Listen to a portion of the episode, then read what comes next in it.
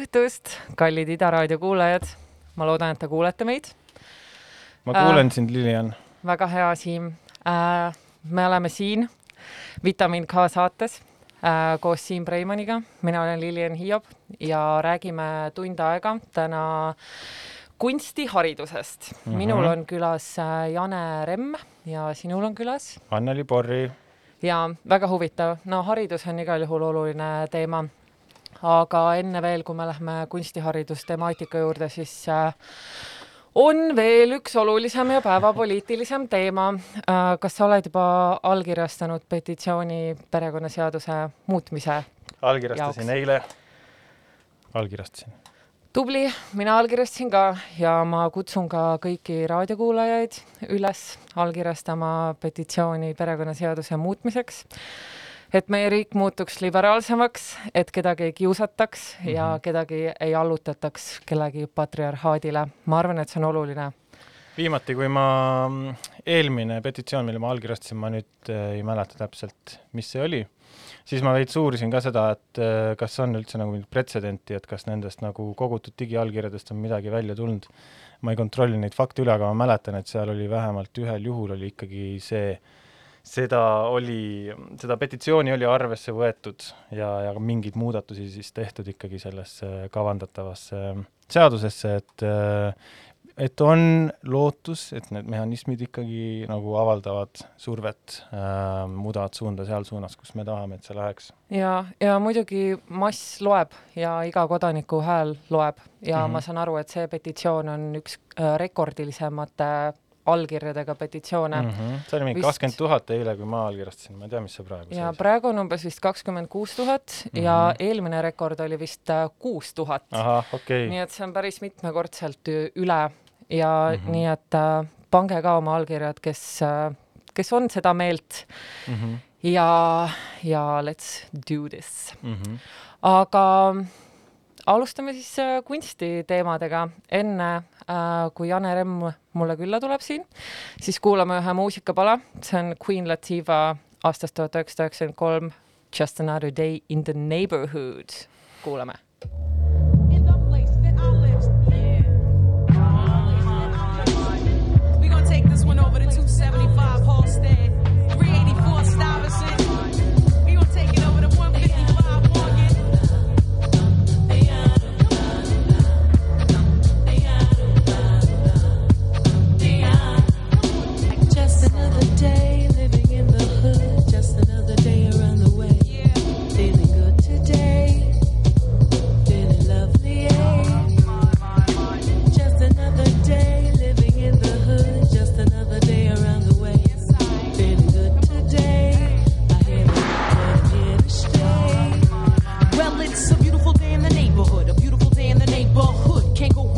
strong and the flavor's good. I'm with whatever comes my way. Hip hop parade, Latifah's on vacation. I'm just plain old day to day. I strap up, step out in every direction. Glock tech, Jimmy hats in case I need protection. So I land, cruise, pump sounds, play out wannabes. A kid in the M3's getting jacked right in front of me. So I play the tech close, my fingers on the trigger. Don't wanna get wet, so they steps, cause mine's are slightly bigger.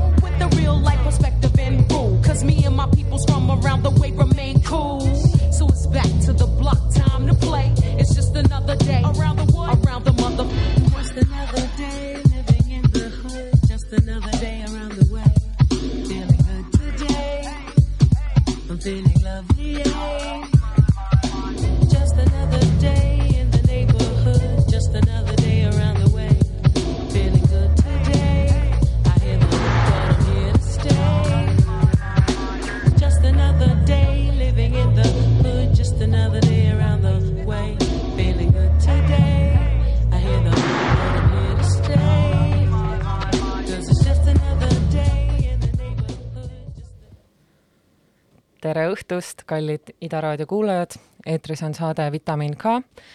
mina olen Lilian Hiiab ja mul on külas Jane Remm. tere, Jane, hea meel sind Vitamiin K saates tervitada. võib-olla tutvustad alustuseks ennast meie kuulajatele, kes sa oled ja mis on sinu seos kunstiharidusega, kuna kunstiharidus on täna meie põhifookus. tere, mina olen Jane Remm, töötan praegu Tallinna Ülikoolis, õpetan kunstiõpetajateks õppivaid üliõpilasi ja olen aastaid õpetanud ka Sällistuudio kunstikoolis, peamiselt siis kümne kuni kaheksateistaastaseid ja täiskasvanuid ka. ja lisaks eh, Tallinna Ülikooli tööle eh, vean ma sellist väikest kogukondlikku kunstiringi eh, Lõuna-Eestis, kus mul on õpilased vanusest kolm kuni kuusteist. Vau väga suur ampluaa, ma olen alati imetlenud kõiki õpetajaid ja pedagooge, sest et äh, see tundub nii palju tööd ja ka väga palju emotsionaalset tööd sinna nagu päris töö kõrvale. aga kuna sul on nii lai spekter kunstiharidus ees, siis äh, ma võib-olla küsikski alustuseks, et kuidas sa defineerid head kunstiharidust jah, see on, aga lisaks sellele, et see on väga raske töö, see on ka väga tore töö, mis annab palju tagasi. kindlasti.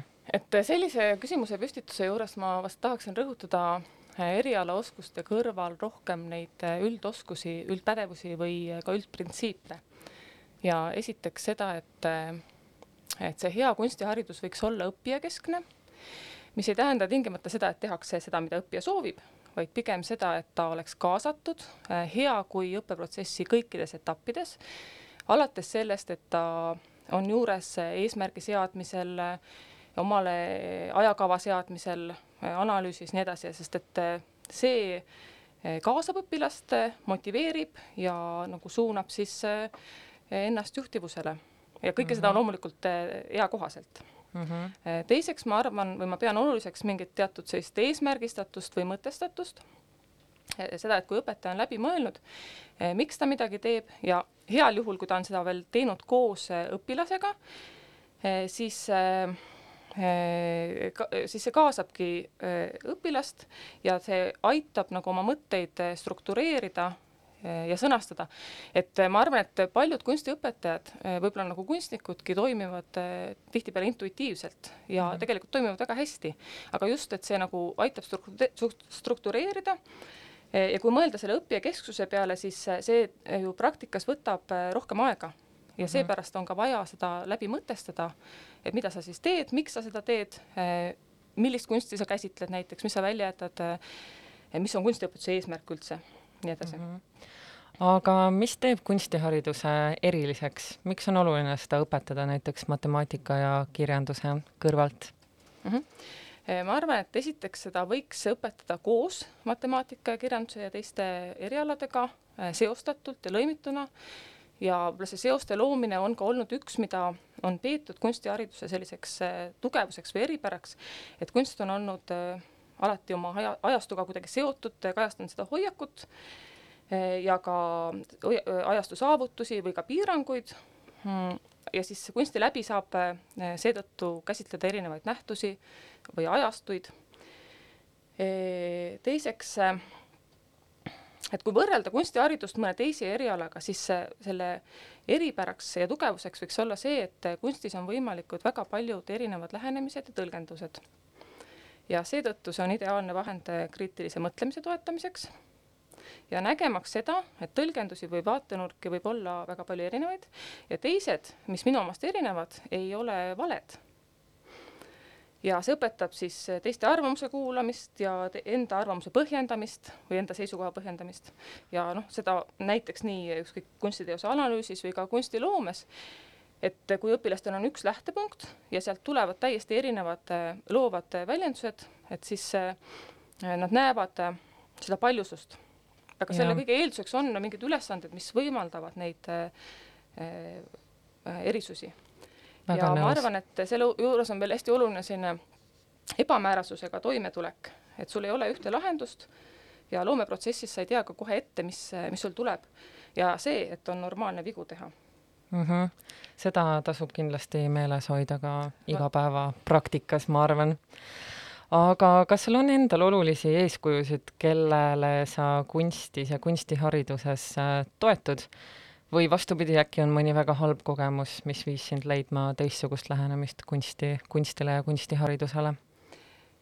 mul tegelikult ei ole ühte konkreetset, et ma küll toetun oma kolleegidele ja õpetajatele ja õpilastele ja praktikale ja nendele uuringutele, mida ma oma töös loen, aga pigem ma äh, sünteesin neid ja siis äh, no arendan edasi seda oma käsitlust mm. -hmm. ma tahaks te tegelikult veel tulla esim-, eelmise küsimuse juurde korraks tule, tagasi, sest et palun. üks hästi oluline asi, ma arvan, jäi veel ütlemata see, et mis teeb kunsti, noh, lisaks veel võib-olla ka visuaalsele kirjaoskusele ja kompositsiooni arendamisele, mis on ka ju kõikidele olulised, kes vähegi ennast kuidagi visuaalselt tahavad kommunikeerida, ükskõik kas slaidiesitlustes või sisekujundustes või mm, -hmm. aga et ka et ei saa kõrvale jätta neid, seda käelist oskust ja selle toetamist ja ma tahan rõhutada just selle aktuaalsest tänases, aktuaalsust tänases maailmas sellest vaatepunktist, et et selline käeline tegevus, joonistamine, maalimine, meisterdamine, modelleerimine, see on midagi, mis,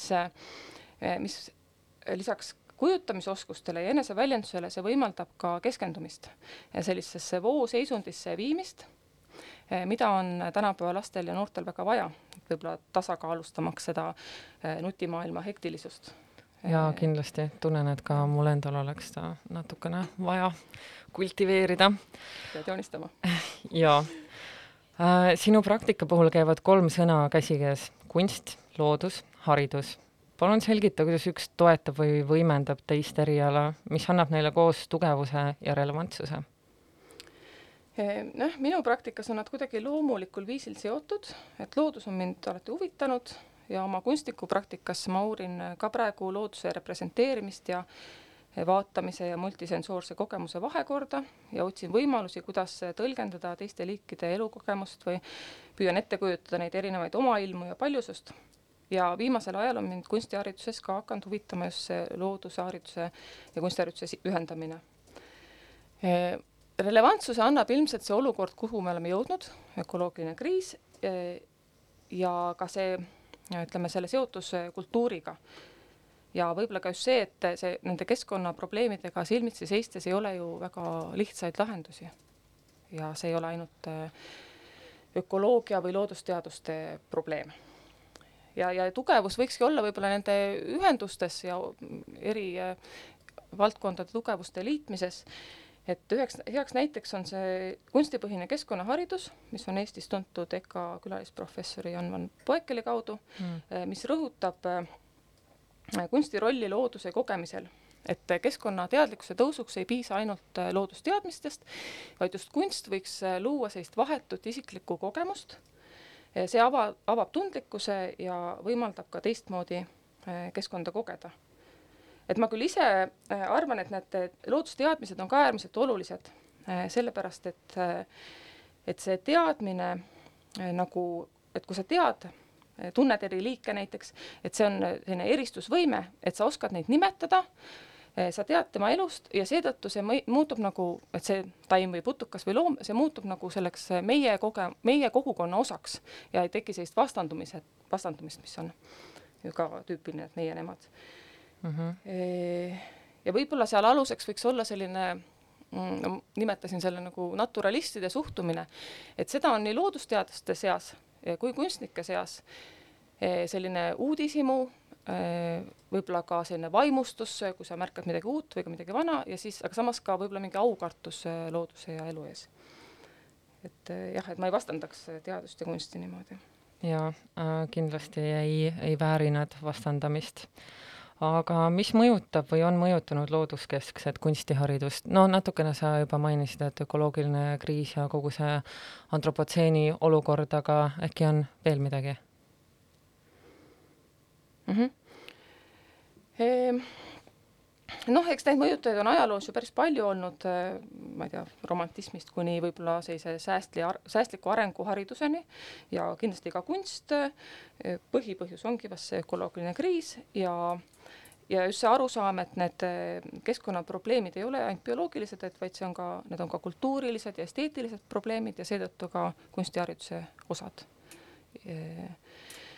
ja see, et see, kuidas me loodusesse suhtume, on paljuski kultuurist mõjutatud, et võib-olla see on ka seal taustal, et sealjuures kunstist, et kunst ka loob neid ajastu hoiakuid, et kas ta nagu võõrandab või loob, kujutab loodust kui objekti kaugelt vaadatuna, ütleme siis maastikumaali puhul näiteks, et sellega nagu võib-olla vastandab vaatajat ja seda objekti või siis ta püüab seda kogemust taasluua samas ma arvan, et ka kunstnikud on ka selle maastikumaali puhul ikkagi nagu mingit tunnetust püüdnud edasi anda ja et ka see on omas ajastus olnud täiesti asjakohane.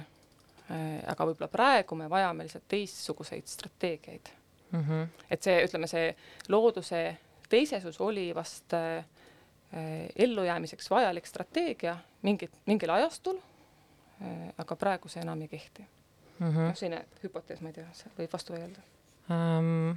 ma ei oska sellele vastu vaielda, kuna ma ise olen ka pigem selle looduse respekteerimise ja koos eksisteerimise poolt kui vastandumise poolt. ja need teemad on tegelikult äh, kaasaegses kunstis ka väga esil, kuigi sa rääkisid siin juba renessansi ajast ja nii edasi ja seal on väga pikk ajalugu, kuidas loodus ja kunst on omavahel põimunud aga ma just ise kirjutan enda magistritööd tuginedes filosoofi Donna Haraway mõtetel ja tema ideede esile kerkimises kaasaegses kunstis, et ma näen, et see ökoloogiline lähenemine ja niisugune nagu liikideülene koostöö on kuidagi väga teemakohane praegu trendis uh,. Haraway enim tuntud teos on A Cyborg Manifesto, tuhat üheksasada kaheksakümmend viis aastal kirjutatud essee, kus ta esitleb meile küborgit kui metafoori, mille kaudu on võimalik minetada hierarhiad inimese ja looduse, ratsionaalse ja emotsionaalse, mehe-naise ja muude sotsiaalsete konstruktsioonide vahel uh,. Haraway pakub antropotseenist väljapääsuks uh, liikideülest kooselu, kus inimene on osa kogu elavast süsteemist, mitte the man suure algustähega ja tasub rõhutada, et Haraway essee ei ole manuaal elamiseks, et selles on paras, parajal hulgal irooniat ja küborg on vaid metafoor, tähistaja.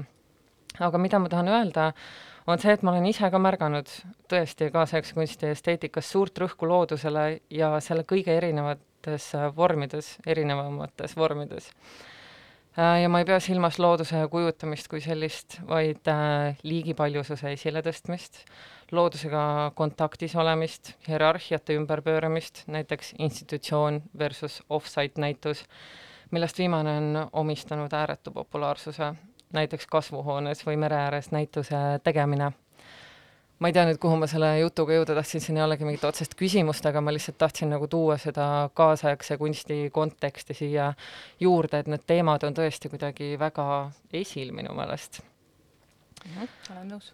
aga mis meetodeid sa looduskeskses kunsthariduses kasutad, kuidas sa neid ideid ja ideoloogiaid reaalselt loengutes ja tundides rakendad mm? -hmm. E ma hea meelega räägiks sellest arutluskäigust mõni teine kord. Okay.. see on hästi huvitav ja seal on, tekib kohe palju mõtteid, et ma mõtlesin ka seda, et huvitav, kas, kuidas Harvey, et kas on ka keegi võrrelnud näiteks teemateoseid, ütleme sellise rohelise ideoloogia, ideo-, ideo-, ideoloogiaga nagu näiteks Pentti Lingolaga, sellised, kes räägivad nagu kasinuse eest ja noh, ütleme siis ajas tagasiminek tarkust mõnes mõttes või sellisest? no Haraway puhul on just see, et ta ei ülista seda kuidagi nagu tagasi kuskile naturaalsesse positsiooni minemist, et ta kuidagi nagu loobki mingisuguse välja või mingisuguse tee, kust on nagu võimalus edasi liikuda pärast seda niisugust antropotseeni ja kapitalismi ajastut, et ta ei romantiseeri kuidagi seda nii-öelda ürgset äh, olemist kui mingit äh, õiget, vaid, vaid just pigem nagu selle küborgi metafoori kaudu kuidagi loodab, et on võimalik nagu edasi liikuda sellest, kus me praegu oleme. ja muidugi need teed nagu on teadmatud, ma arvan, et ta ise ka nagu, nagu ma ütlesin, et see ei ole niisugune konkreetne elamisõpetus, vaid see on nagu pool niisugune spekulatiivne fantaasia, aga seal on väga, väga palju niisugust äh, relevantset ja ja tähtsat infot mm -hmm. minu jaoks e väga tahaks su magistritööd lugeda, kui saab valmis. ma ei ole veel ühtegi lauset kirjutanud, aga, aga jaa, muidugi saad seda lugeda, kui see ükskord valmis saab aga nii, vastad? eks ma püüan neid põhimõtteid rakendada, mida ma avasin alguses, seda tõlgendusele suunatust, kaasamist, ka loovust, õpilase loovusele võimaluse andmist või seda toetamist, siis üldiselt ja siis kui nüüd konkreetsemalt rääkida loodusharidusest, siis üks, üks põhimõte on võib-olla see, et võib võimalikult palju looduses teha ülesandeid, nii palju kui võimalik, just sest et see on ka selle võõrandumise vastandiks siis luua või taasluua seda suhet, isiklikku suhet õpilastes. Ja joonistamine, maalimine seal looduses võiks läbi detailidesse süvenemise aidata ka seda huvitavamaks teha ka neile, kellele see keskkond võib-olla esialgu tundub selline igav ja mis siin ikka vaadata. ja just see siis selline detailidesse süvenemine, vaatamine, lähivaated, et see on ka üks meetod, mida ma olen nagu mõelnud, et see võiks toimida ja aidata selle juures siis lisaks see taimede noh, taimedega ka putukad, teised taimed on paigalseisvamad modellid, et hmm. et nende kohta info otsimine, nimetamine, mm, teadasaamine, jah mm. -hmm. ma arvan, et see on hästi oluline, et see loodus, nii-öelda loodusega seotud kunst ei piirduks ainult selle looduse maha joonistamisega, vaid just see, mida sa rääkisid, et niisugune taustainfo otsimine sellest äh, asjast nagu või sellest äh, olendist arusaamine. siis veel äh, üks asi, mida ma olen kasutanud eri liikide perspektiivide nägemiseks, on selline narratiivi loomine äh, siis valitud liigi vaatenurgast, et mm. no me oleme teinud putukate omailma koomiksit siis noh, koos, koostöös bioloogidega, kes on aidanud seal seda infot otsida ja, ja lapsed on nagu üritanud kehastuda selleks putukaks või vaadanud läbi tema vaate. aga noh, neid väljendeid võiks seal veel, väljund, väljendusi võiks veel olla teisigi leida mm,. no kõlab igal juhul väga huvitavalt. ma pean äh. ütlema, et see, selle vestluse ettevalmistamine inspireeris mind ka uusi meetodeid mõtlema. oo, väga tore. hakkan sellega nüüd tegelema väga hea, nii et sind võib varsti uuesti saatesse kutsuda aga ma tahtsin tegelikult seda ka küsida, et äh, kas sul on enda õpilastega ka ette tulnud probleeme või vastuolusid sellest teemast rääkides või on kõik väga avatud meelega? No jah, natuke on, et midagi väga olulist ei saa tuua esile, aga, aga on, olen kogenud seda, et äh, lapsed, eriti linnalapsed, ei tunne isegi kõige lihtsamaid või tavalisemaid taimi mm. E,. siis äh, noh, ka see, et ikkagi looduses tundub igav, selline mm, mm, ei leita kontakti või seda enda huvi. ja siis ma olen märganud ka teatud sellist pinnapealsust või trafaretsust keskkonnateemade käsitlemisel eriti läbi vastandi, et mingi asi on hea, teine on halb, või siis see jääbki sellise prügi sorteerimise tasandile, et, et mm. prügi sorteerime, kõik on hästi. aga just, et kuna need probleemid on nii keerulised, siis see noh, et seal on mm. palju tasandeid. kindlasti. aga selline küsimus ka, mida ma tegelikult äh, ette ei valmistanud, aga tuli siin praegu mõttesse, et äh, kui palju ikkagi selline seisukoht kodust kaasa tuleb ju, kui palju seda annab õpetada kunstitunnis, selline looduslähedus ja, ja looduse austamine ja selle tundma õppimine. et kui kodus sellega ikkagi ei tegeleta, et siis kui palju õppejõul või õpetajal üldse nagu on seda jõudu või võimalust, sest et need kunstitunnid on ikkagi tavaliselt üks kord nädalas, kui mitte harvem. jah, kui üldharidusest rääkida, et praegu see jutt oli nagu üldisemalt.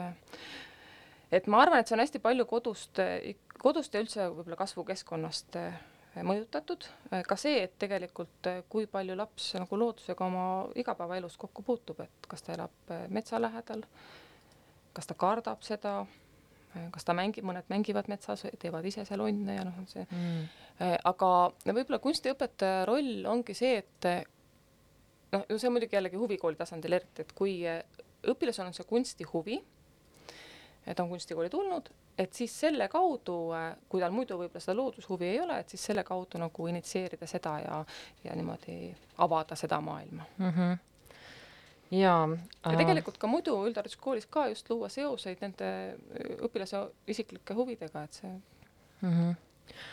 üks niisugune eksprompt küsimus veel, aga et kui, milline see tase on, just kui me räägime nendest noorematest äh, õpilastest, keda sa õpetad, et kas kõik teavad enam-vähem sama palju loodusest või on mõned, kes on näiteks väga palju rohkem teavad, kes on rohkem kokku puutunud, teised, kes ei ole üldse, et sa ütlesid, mõned ei tea isegi kõige tavalisemaid taimi, et kuidas see vahekord on nende õpilaste vahel? minu kogemusel on see väga erinev. Ja noh, ilmselt see on see, et millele on tähelepanu osutatud. Mm kui sul oleks üks aspekt, mida saaksid äh, päevapealt kunstihariduses muuta kogu Eestis või Euroopas, siis mis see oleks?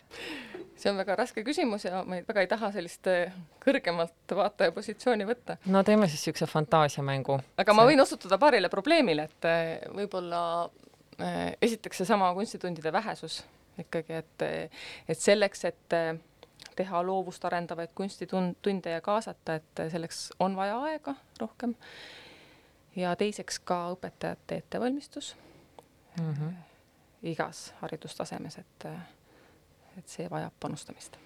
Kindlasti, aga Jane, aitäh sulle saatesse tulemast, oleme peaaegu pool tundi siin vestelnud, teise pooltunni anname Siim Preimanile ja Anneli Borrile, kes jätkavad ja. samuti kunstiharidusvestlust aga edu sulle su tegemistes ja tundub, et ma tahaks küll tulla ka sinu kunstitundi väga hea, ma töötan mõned täiskasvanute kursused välja ja kutsun.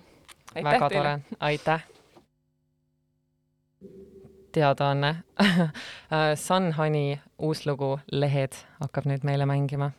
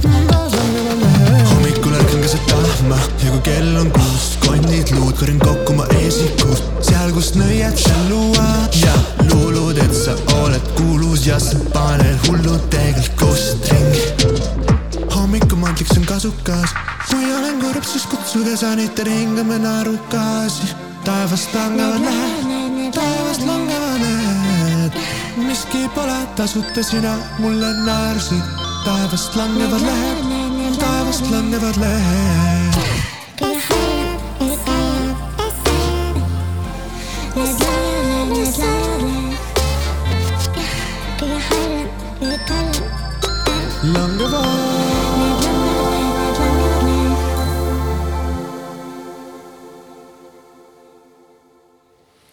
aitäh, Sanhani.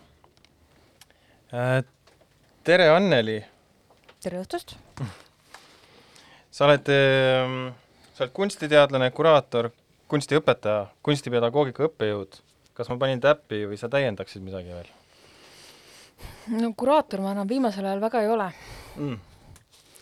et siin ma hiljuti jah, õpetamine on ikka jah, viimasel ajal see peamine asi, et et mul on hästi hea meel, et mul on olnud viimasel ajal võimalik tõesti nagu süveneda õpp-, õppimisse, õpetamisse ja, ja selles har-, sellistesse haridusteemadesse, et see on kohutavalt inspireeriv. Mm.. väga lahe, mul muidugi mõned küsimused kureerimise kohta on, sest et sa oled äh, sa oled ikkagi tugeva kuraatori pagasiga ja oleks põnev mingisuguseid niisuguseid kolleegiga arutada võib-olla äh, meetodite üle ja nii edasi. aga siin äh, Lilian ja Jane juba jõudsid otsaga sinna välja, kust mul on tunne, et, et minu nurk rohkem on, et rääkidagi siis üldiselt äh, üldhariduse kunsti osast äh, ja olukorrast äh, üldhariduses ja, ja siin juba tuli lõpuks juttu sellest mm, natukene, aga alustame siis lihtsast küsimusest, millele ma ei tea, kas on üldse nii lihtne vastata, et kuidas on kunstihariduse seis praegu Eestis? Mm. -hmm. ma ka just Jaanet kuulates mõtlesin, et ma tahaksin kohe hakata natukene numbreid lisama siia mm -hmm. Jaane väidetele. kunstihariduse seis Eestis täpselt niimoodi me ilmselt kokku võtta ei saa, et kõik oleneb sellest, et kes küsib, et millistele kriteeriumidele vastavalt. kui me võtame hästi-hästi üldiselt, siis äh, äh, noh, meil töötavad õpetajad, kes teevad oma tööd, õpilased õpivad, äh, motiveerivaid üritusi toimub, olümpiaadid, konkursid, sellised asjad nagu kõik toimuvad. aga siis me jõuame selle aga koha juurde, kus meil on üks, põhikoolis on üks kunstitund nädalas, üks. See tähendab seda, et sisuliselt sa ei saa värve väljagi võtta ja, ja nagu, kui sa pead hakkama juba pintslit pesema ehk et, äh, et, et sellises mahus meil ei ole võimalik normaalselt äh, tegelikult ja huvitavalt kunsti õpetada, okei okay,, seal saab asju natukene ümber äh, klappida, teha niimoodi, et oleks poole aasta jooksul ja kaks tundi järjest, et siis on juba midagi võimalik teha ka, aga noh, see on selline ehitamine.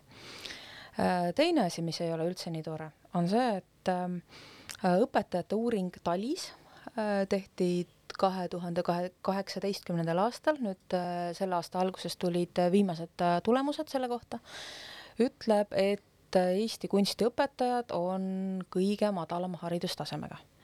nelikümmend neli protsenti kunstiõpetajatest ei ole magistrikraadi ehk nõutavat haridustaset. et see on nagu selline asi, et e, ei taha nagu näidata kuidagi kellegi peale näpuga. et kõikide haridustee on olnud selline, nagu see on võimalik ja kõik teevad ikkagi oma tööd ju noh, parima äranägemise järgi aga mõelda saaksime seda küll, et kuidas parandada siis õpetajate olukorda, kuidas võimaldada täiendõpet, kuidas äh, innustada äh, magistriõppesse edasi tulemist, äh, kutse kaitsmist ja nii edasi ja nii edasi, et et noh, tegelikult see lisaharidus ja täiendkoolitused, seda peame me kõik nagunii kogu aeg ja pidevalt tegema, sellepärast et et noh, me ei saa õpetada, kui me ei pane ennast vahepeal ise õppija rolli see nelikümmend neli protsenti, mis sa mainisid, mina, minul oli veel jubedam number kuidagi äh, suust suhu äh,, see oli isegi moondunud veel hullemaks, et aga ma just tahtsingi ka selleni välja jõuda, et äh, ma mõtlen, et, äh, et mis, millest see nagu tuleb, et kas seal on, kas seal on ka see, et äh, sellest mahust jõuame ka rääkida, sellest mahu väiksusest, aga ma mõtlen kuidagi üldiselt, et kas ei ole nagu äh, tellimust äh, koolidelt, kas või noh, nagu seda ähm, ma ei tea, vaadet sellele tunnile kui nii olulisele, et see oleks vaja täita nüüd kõige-kõige pädevama inimesena, et me ei saa nagu lati alt läbi minna, või on seal ka see, et, et õpetaja töö on teadupärast äh, ta on mahukas, ta on töö, töömahukas ja ta võib äh, konti murdev olla, et sinna lihtsalt see loovisik ei jõua sinna töökohale. mis sa arvad, mis see mis see rohkem on? ma alustan viimasest poolest, kui mul esimene pool meelest ära läheb, siis tuleta meelde. okei, viimasest poolest on see, et äh, õpet-, alustavatel õpetajatel on väga väike kutsekindlus. see tähendab seda, et jälle ütlen numbreid nüüd kohe. Äh, pärast esimest aastat, oletame, et meil alustab äh, tööd sada õpetajat. pärast esimest aastat kakskümmend viis juba loobuvad. pärast teist aastat on kolmkümmend kolm inimest loobunud ja viiendat õppeaastat koolis või tööaastat koolis alustab viiskümmend õpetajat ehk viiskümmend protsenti, see tähendab seda, et äh, pooled nendest, kes täna lähevad kooli, nelja aasta pärast enam ei õpeta. et äh, see räägib minu meelest midagi tõepoolest meie kooli noh, süsteemi kohta, et üldiselt äh, õpetajad muidu hindavad oma töötingimusi heaks, kollektiive samuti heaks, aga midagi järelikult on, mis äh, just siis... töökeskkonna mõttes vot ma ei oska nüüd öelda, et kas tingimata töökeskkonna mõttes, aga nüüd vist jõuame selle esimese poole mm -hmm. juurde, ehk see prestiiži küsimus või? seal oli ka see jah, küsimus, et, ähm, et, et ähm, kas võib-olla ootused kooli poolt ja vanemate poolt justkui see tellimus nii-öelda on ka nagu madalam, kui ta tegelikult olla võiks? ta on kindlasti madalam sest äh, vanemate hulgas me ei tea, et oleks ühtegi uuringut tehtud, aga me väga innustame siin, kuna me Janega mõlemad äh, õpetame samal äh, magistriõppekaval, tema Tallinna Ülikooli poolt, mina Eesti Kunstiakadeemia poolt, et innustame tudengeid küll, et nad võtaksid mõned sellised teemad uurida aga vanemate poolt on kõige sagedamini võib-olla sel-, need hoiakud, et õpetage mu laps ilusasti joonistama et kunstiõpetuse ülesanne on see, et noh, et, et õpiks ilusasti joonistama, et selline hästi konkreetne käeline oskus ja, ja nii tehke. Äh, teine ootus on see, et ähm, las ta nüüd puhkab ja mängib siin mm. -hmm. et miks ta nüüd siin tunnis peab pingutama, et las ta ikkagi nagu rekree-, rekreerub et matemaatika nende ja, päris asjade ja nende päris asjade vahel täpselt. Et, et need kaks suhtumist on nagu sellised, mis kuidagi nagu üksteist õudselt välistavad ja nad äh, Nad ikkagi lähevad nagu mõlemad konflikti sellega, mida kunstiõpetus või kunstiharidus tegelikult saaks olla. et see on nagu niivõrd suure potentsiaaliga aine, kui seda õigesti kasutada et, et pigem on jah, see küsimus, et, et, et miks, miks me ka õpetaja, õpetajaid hästi täiendkoolitustele ootame, et, et avaneks nagu see potentsiaal, et me ei pea me ei pea vajutama kogu aeg neid samu hästi lihtsaid nuppe, et täna on perspektiiv, homme on äh, soe ja külm koloriit, siis mingisugused järg ja siis on see vaba teema ja minu suvi mm. -hmm. koos onu Boobiga video maalimine no onu Bob, ähm, sa räägid praegu Bob Rossist, eks? et ma onu Bobi kohta tahan mõned head sõnad ka öelda onu Bob ei ole, noh, et see, et kuidas onu Bob on noorte hulgas selliseks iidoliks saanud, et see ongi kõige ägedam tegelikult, noh, kahjuks, et ta ei ole nagu kunsti pärast saanud, vaid ta on oma suhtumise pärast saanud mm. -hmm. ja seal on ka nagu see, see point ju olemas, et, et see on nagu keegi, kes tunnustab sind nagu, kuidas iganes sa need õnnelikud väiksed puukesed siin teed, noh, lihtsalt nii teedki mm. -hmm. ja, ja see, et kuidas tema oma meetodeid, maalimismeetodeid pakub, et noh, et kõik õnnestub, kõik, igaüks, kes võtab esimest korda pintsli, lõuendi ja õlivärvid kätte, tal tuleb see tulemus mm. -hmm. aga nüüd on nagu see koht, kus äh, kus ma aga ta on ikkagi see ilus tulemus, ta on see ja. vahutav meri ja soe päikeseloojang. no vot, tegelikult see on väga sage meetod ka meil ju kunstitundides, et õpetaja paneb ette ühe näidistöö ja siis küsib, et kas ma sellise nina joonistasin või mm. noh, et ehk siis, et Bob Ross mm. õpetab täpselt sedasama Bob Rossi tegema mm. -hmm. et ta ei aita sul leida seda, et kuidas sa tegelikult seda maailma mm -hmm. näed mm. -hmm. et see on noh, näiteks äh, näiteks üks väga oluline kunsti, kunstihariduse ülesanne õpetada vaatlema, õpetada märkama ja siis nagu vastavalt sellele tegutsema. ja siit noh, kuna kunstiharidus ka pidevalt oma sellise prestiiži nagu tõstmiseks otsib õlalepatsutusi muudest valdkondadest et siis ähm, üha enam ja enam antakse kunstikursusi Ameerika ülikoolides näiteks kriminalistidele, äh, meditsiinitöötajatele Äh, politseinikud, erinevad äh, need äh, radioloogid, kes vaatavad röntgenipilte ja nii edasi ja nii edasi. ehk et on, jõuab kohale arusaamine, et meil on kõikides valdkondades vaja täpset vaatlemisoskust, sõnastamise oskust, võrdlemise oskust, et, et see visuaalne materjal, mis meie ümber kogu aeg nii noh, sellisel määral vohab, et seda ongi vaja täpsemalt edasi anda, et meil hakkab noh, tegelikult jääma sõnadest puudust või meil jääb sellisest kannatlikkusest puudust et... mm. -hmm. ja samal ajal Eestis kunstitundide hulk väheneb, vähemalt mm -hmm minul, minul on olnud kaks kunstiõpetajat, e-, esimene oli, esimesega me maalisimegi koos onu Boobiga ja teine oli ähm, keskkooliaegne kunstiõpetaja, tema ajal siis toimus järjekordne äh, kursuse võrra vähenemine selles äh, riiklikus mahus äh, ja tema oli niisugune inimene, kes oli noh, ta läks täiesti põlema ja ta ikkagi suutis ka selles vähendatud mahus ikkagi jõuda nagu üle selle tavapärase äh, varamodernismi piirjoone selles ajalooõpetuses ja nii edasi, aga ikkagi kas, kas midagi on nagu selles mõttes muutunud, et, et sinu ja teiste pühendunud kunstipedagoogide töö, selgitustöö ja lobi tulemusena, et see maht nagu saaks ka tulevikus jälle suureneda või noh, needsamad näited, mis sa tood, et, et kas seda sünteesioskuse vajalikkust nagu hakatakse vaikselt juba mõistma niimoodi, et, et on, puhuvad mingid tuuled, et võib-olla meil varsti on natuke rohkem seda kunstiharidust ikkagi tuuled puhuvad jaa, aga mitte sellisel määral, et tuleks juurde kuni uus kursus äh, üldhariduskooli. tuuled puhuvad pigem sealt, et äh, kutsutakse õpetajaid üles lõimima, ühendama mitut ainet ja tegema, tegema neid aineid niimoodi nagu terviklikult läbi planeerides, tehes nagu ühte, ühte projekti Äh, siis äh, teised moesõnad on STEAM, äh, STEAM, eesti keeles on vist matikharidus, mulle üldse ei meeldi see sõna. Mm.. see tähendab seda, et ühendatakse teadus, inseneeria, matemaatika, kunst ja ühe asja unustasin ära. No ühesõnaga, see STEAM on nagu akronüüm nendele sõnadele, et nagu sellised tehno-, tehnoloogia, tehnoloogiaalad ja ka viimasel ajal pannakse sinna juurde robootika. et see on nagu üks võimalus, et kuidas ka kunsti tähtsustatakse.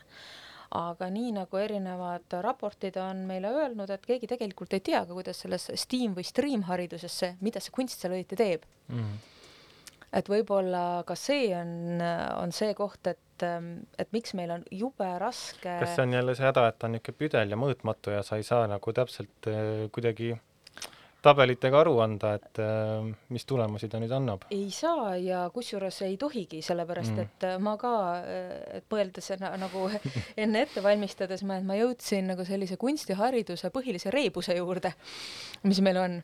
et see, millest ka Jane enne rääkis, et, et ja mida ka ma praegu ütlesin, et kunstiharidus, et oi, selle kaudu me saame nii palju üldoskusi toetada. me saame rääkida sotsiaalsetest oskustest, enesekohastest Äh, koostööoskustest, kultuuripädevus, väärtuspädevus, no me saame nii kohutavalt palju asju teha. ja aga siis nagu teisest küljest on see, et siis kohe, kui me ütleme, et oi, me teeme kunstiga nagu nii palju asju, saame erinevaid oskusi toetada ja siis kohe sealtsamast tuleb see, et aga me ei tohi kasutada seda ainult nende teiste oskuste arendamiseks, vaid me peame tegema seda ka kunsti enda pärast. ja, ja nüüd on see põnev koht, et ükskõik kui palju ei loe erinevaid uuringuid ja kunstihariduse selliseid äh, ka nagu in intensiivseid pro-, mitte brošüüre, vaid võib-olla nagu poliitilisi dokumente. mitte keegi mitte iialgi ei defineeri, mis asi on kunst. ehk et see, et, et miks me peame tegema seda kunsti enda pärast, et mis asi see kunst enda pärast on ma võtsin täna südamerindu ja hakkasin äh, seda kuidagi defineerima või noh, nagu kirja panema, et see ilmselt, ma arvan tegelikult, et ega seda keegi ei saagi ette kirjutada, et see ei saa olla poliitiline dokument. et see, see miski, äh, see definitsioon peab tulema selle konkreetse õpetaja seest, sest see annab talle selle eesmärgi, et miks ma üldse tegutsen. ja mina jõudsin sinnamaani, et et, et minu jaoks annab kunst midagi, mida ükski muu meedium või siis distsipliin, õppeaine ei anna, on äh, sügavam teadmine inimeseks olemise kohta.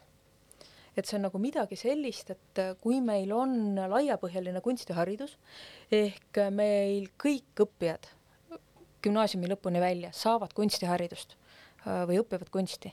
see tähendab seda, et see annab meile kõigile siin ühiskonnas mingisuguse sarnase platvormi, millelt äh, mõista edasi kultuuri, millelt läbi rääkida, millelt koostööd teha äh, või kasvõi nimetatud juba selle PowerPointi slaide kujundada.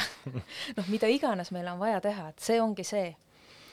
Ja, ja see on ka nagu see põhjus, miks kunstiharidus peab jääma üldhariduskooli et see, ei saa olla ainult niimoodi, et kui sul on nagu eraldi huvi, et aga ole lahke, mine, mine huvikooli, et seal sa saad nagu seda päriselt. et meil on seda kõigil vaja, sellepärast et see ongi see, mis teeb väga palju muid asju veel mm. -hmm. et ta on nagu mingi sihuke, mingi nagu maagiline asi, mulle tundub mm. -hmm. ma olen sinuga täiesti nõus ma olen ise mm, kunsti ja eetika sõlmpundarte läbi närides olen ma mm, mõelnud, et missugused võiksid olla ametid, mida, mida, mis saaksid olla läbinisti eetilised. Ja mul on tunne, et õpetamine on kindlasti üks nendest just eh, ka, ka laiemalt, et sa tegeled, sa tegeled nagu tuleviku investeerimisega, kui sa teadvustad seda läbinisti, sa saad eh, aidata kujuneda mingisugusel väärtushinnangutel eh, järgmistel põlvkondadel ma kujutan ette, et väga frustreeriv selle juures jälle ongi see nii-öelda aja vastupanu.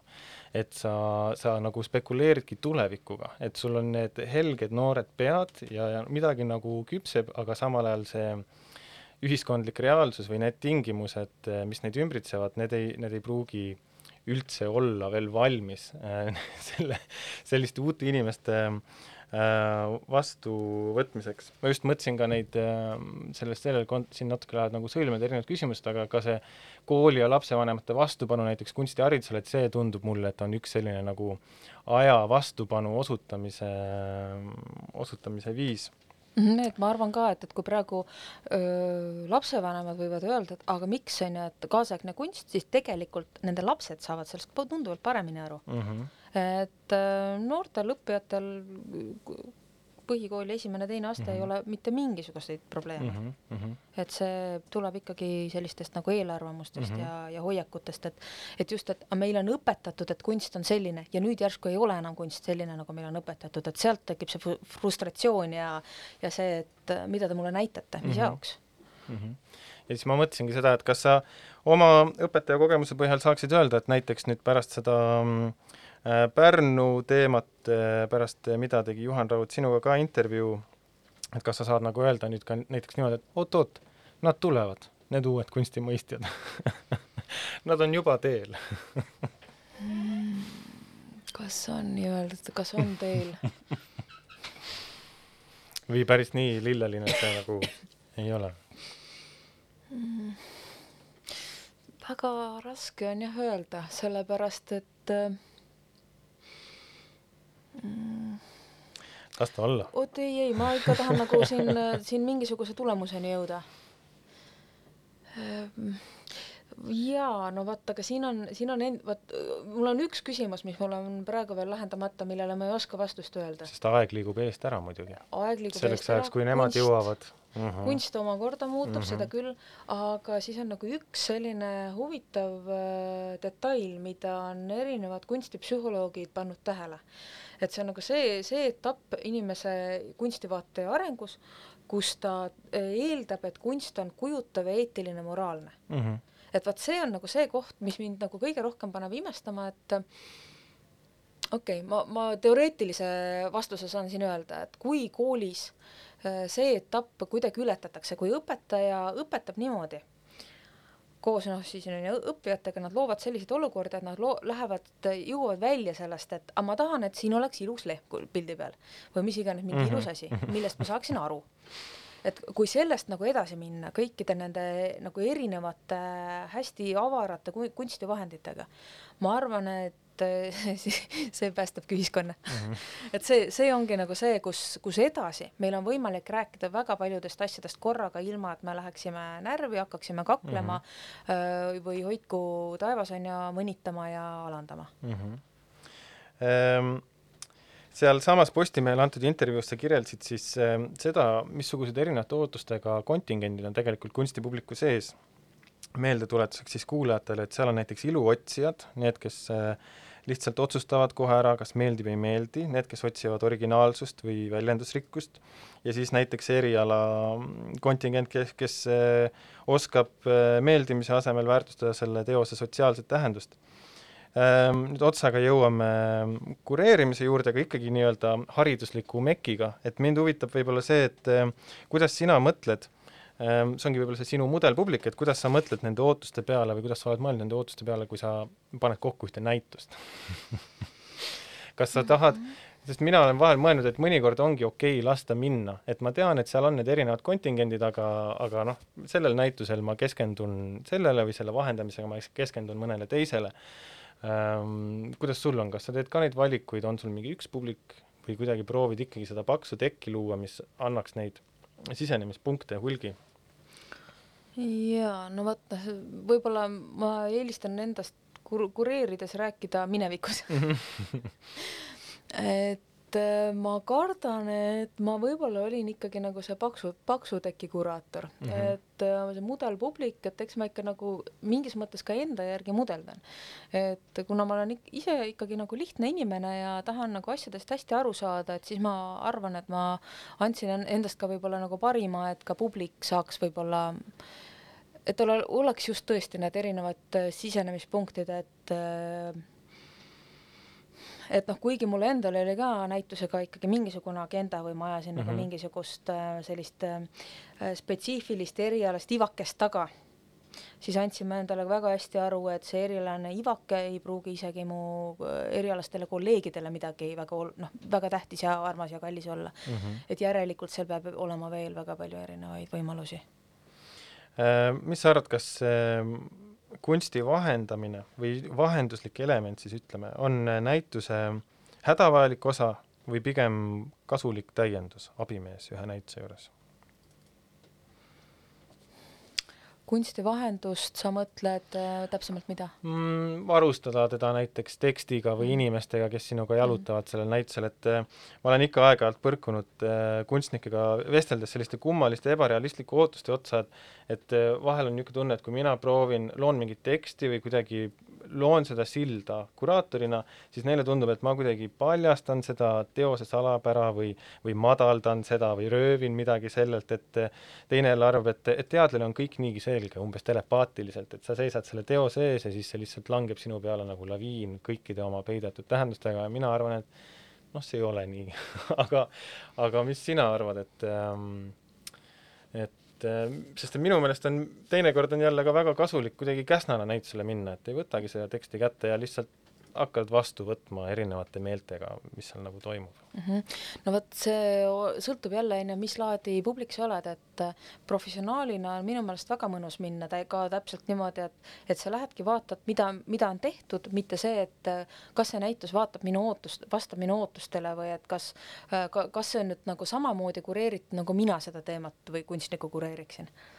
et äh, ma väga hästi pooldan just seda, et vaatame kõigepealt, et mis siin on, mitte Mhm. see, et mida ma tahan, et siin oleks ja, või veel hullem, et mida siin ei ole Mm -hmm. aga see, et kas seda vahendust on vaja, no ma olen sinuga nõus jah, ma olen selles mõttes nõus, et tõepoolest kunstniku jaoks äh, mingi lahtikirjutus, eriti kui see võib-olla ei klapi täpselt nende sõnadega, mida tema on mõelnud, võib olla nagu ebamugav, kuigi alati on see nii subjektiivne kogemus, et mingis mõttes on jumala suva, mis ma sinna kirjutan oh, seda nagunii, et äh, noh, see on ju üks aktsioomidest, et mitte mm. -hmm. ükski tõ- tõ- tõlgendus ei ammenda mitte kunagi ühte kun- ühtegi kunstiteost mm. -hmm. et ükskõik, lugege Lotmani või Terry Barrettit või keda, keda iganes, et te saate nagu nii äh, palju neid tõendeid, et sa võid ükskõik nagu kui palju kirjutada ühe töö kohta ja sa ei jõua lõpuni. See ongi see kunsti ju tugevus mm. -hmm. et äh, noh, nii peabki olema. Mm -hmm. aga see vaja- paneb natukene kartma, et kui kunstnik kardab, et tema kohta kirjutatakse, et kas tal, kas ta tööl on tõesti ainult üks tähendus Mm -hmm. okei okay., aga siis see teine asi on see, et äh, tema on äh, selle näitusega olnud võib-olla kaks, neli, viis aastat koos. ta on elanud, söönud, maganud koos nende ideede ja nende, nende mõtetega. vaataja tuleb esimest korda sellesse saali.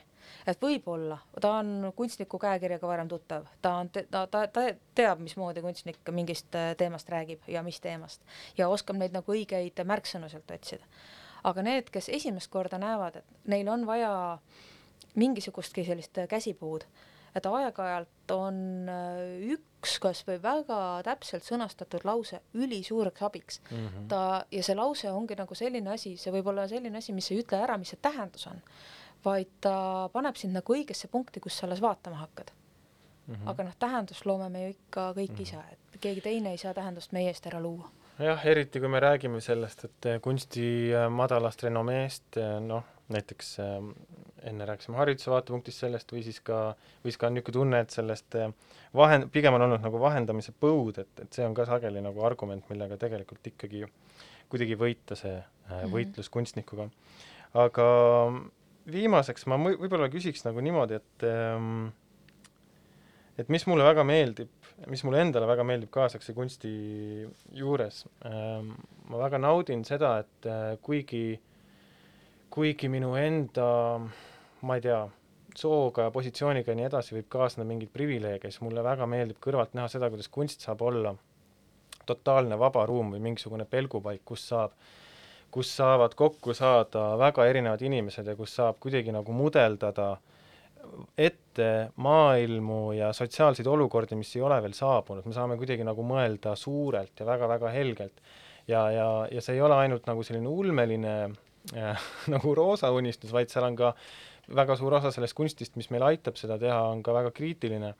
et äh, samamoodi ehk oled sa harija või oled sa kuraator, et see materjal, mis annab sulle tööd, on ikkagi kunst. ja ma tahakski võib-olla küsida, et, et et kas sa, kas sa tunned, et see, see kunst, mida praegu Eestis tehakse, et see annab sulle kätte need tööriistad äh,, millega sa saad rääkida nendel teemadel või millega õpetajad saavad siis nagu kuidagi rääkida nendel teemadel ja kas on midagi, mida sa ootaksid võib-olla veel, midagi, mis on puudu, mingeid teemasid, mida võiks rohkem käsitleda mm? -hmm no vot seda, kas teemasid on puudu, seda mul on tunne, ma ei saa, mina ei saa öelda. et ma, kuna ma praegu tõesti ei määratle ennast kuidagi kuraatorina, siis ma ei ole üldse nagu sellises, tundlad ei ole nagu sellises asendis, et ma ei otsi nagu seda midagi uut uh,. Uh, mm, okei okay., sinu jaoks on kogu kogu ajalugu valla, sa võid jumala. Absoluutselt ja, ja kusjuures nagu see ongi tore ja õpetajatele täpselt samamoodi, et praegu öö, on võimalik ka puhtalt nagu Eesti kunsti näitel ära rääkida kõik maailma olulise, olulisemad probleemid. et ja ka õppija enda jaoks need olulisemad probleemid, et me peame ikkagi mõtlema, et üldhariduses, et meie see sihtgrupp on sellises väga ähm, noh, nagu õrnas eas ja õrnas eas nagu kõige paremas mõttes, et nad on nagu need inimesed, kes praegu konstrueerivad maailma ja see on nagu nii vapustavalt fantastiline periood elus, inimese elus. Ja kuidas kunst saab toetada kõiki neid noh, see on nagu, see on raske staadium, et sa mm -hmm. ikkagi nagu on ju mingisugusest kookonist pead nagu liblikaks välja saama või nagu röövikust saab lib liblikaks või see on nagu see, see moondetapp, mis ongi nagu füüsiliselt ebamugav. et noh, et, et kunst saab olla see, mis, mis saab siis nagu anda sellele elu, uuele värskele elule mõtte ja mingisuguse suuna ja sellise tunnetuse, et mm -hmm et see on jah tore, et see erinevate maailmade ettekujutamine, et siin jälle, et ükskõik, kas nagu Aristoteles või Rancière, et et kunsti on meil vaja selleks, et mõelda võimalikustest mm. -hmm. mis on võimalik, mis ei ole võimalik ja ja ma arvan, et sellepärast noh, siin peab see teatav nagu ebatsenseerimatus jääma. et see kunst on mõtlemise, mõtlemise vahend, tundmise vahend väga lahe, Anneli suur,, suur-suur aitäh, et sa tulid ja nägemist kõikidele või kuulmiseni kõikidele kuulajatele.